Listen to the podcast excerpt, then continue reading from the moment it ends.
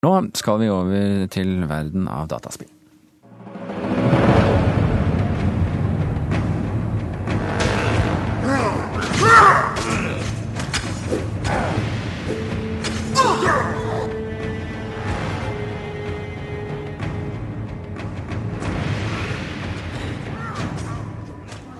Dette er uh, lyd fra dataspillet, online-spillet World of Warcraft.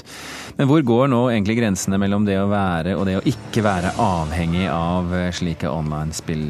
Det er noe av det førsteamanuensis ved IT-høgskolen NITH Faltin Karlsen har undersøkt i sin eh, nyeste bok A World of Excesses, som blir lansert om et par dager.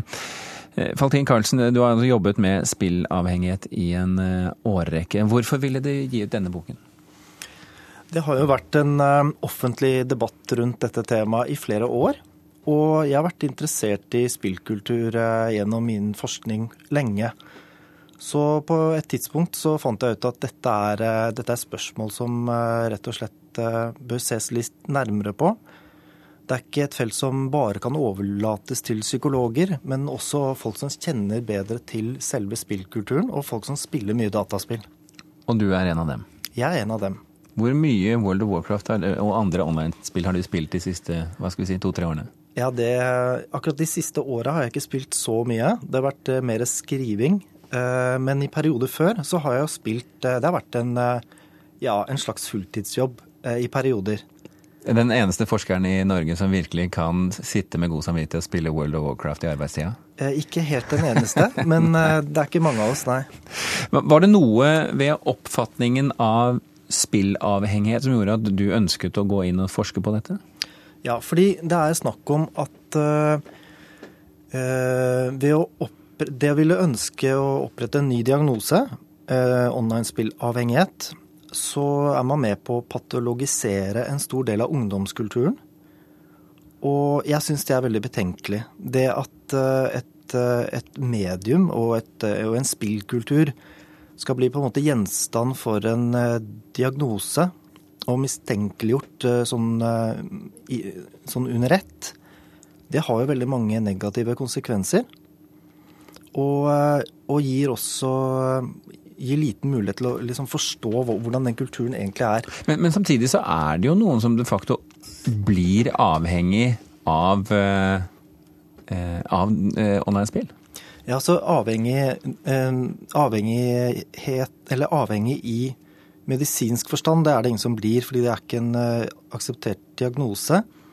Men du har selvfølgelig mange folk som, som kommer i en slags sånn avhengighetsforhold til spillet. Altså de mister kontrollen og eh, lar spilling gå utover, gå utover andre ting. Men stort sett så er dette noe som går over.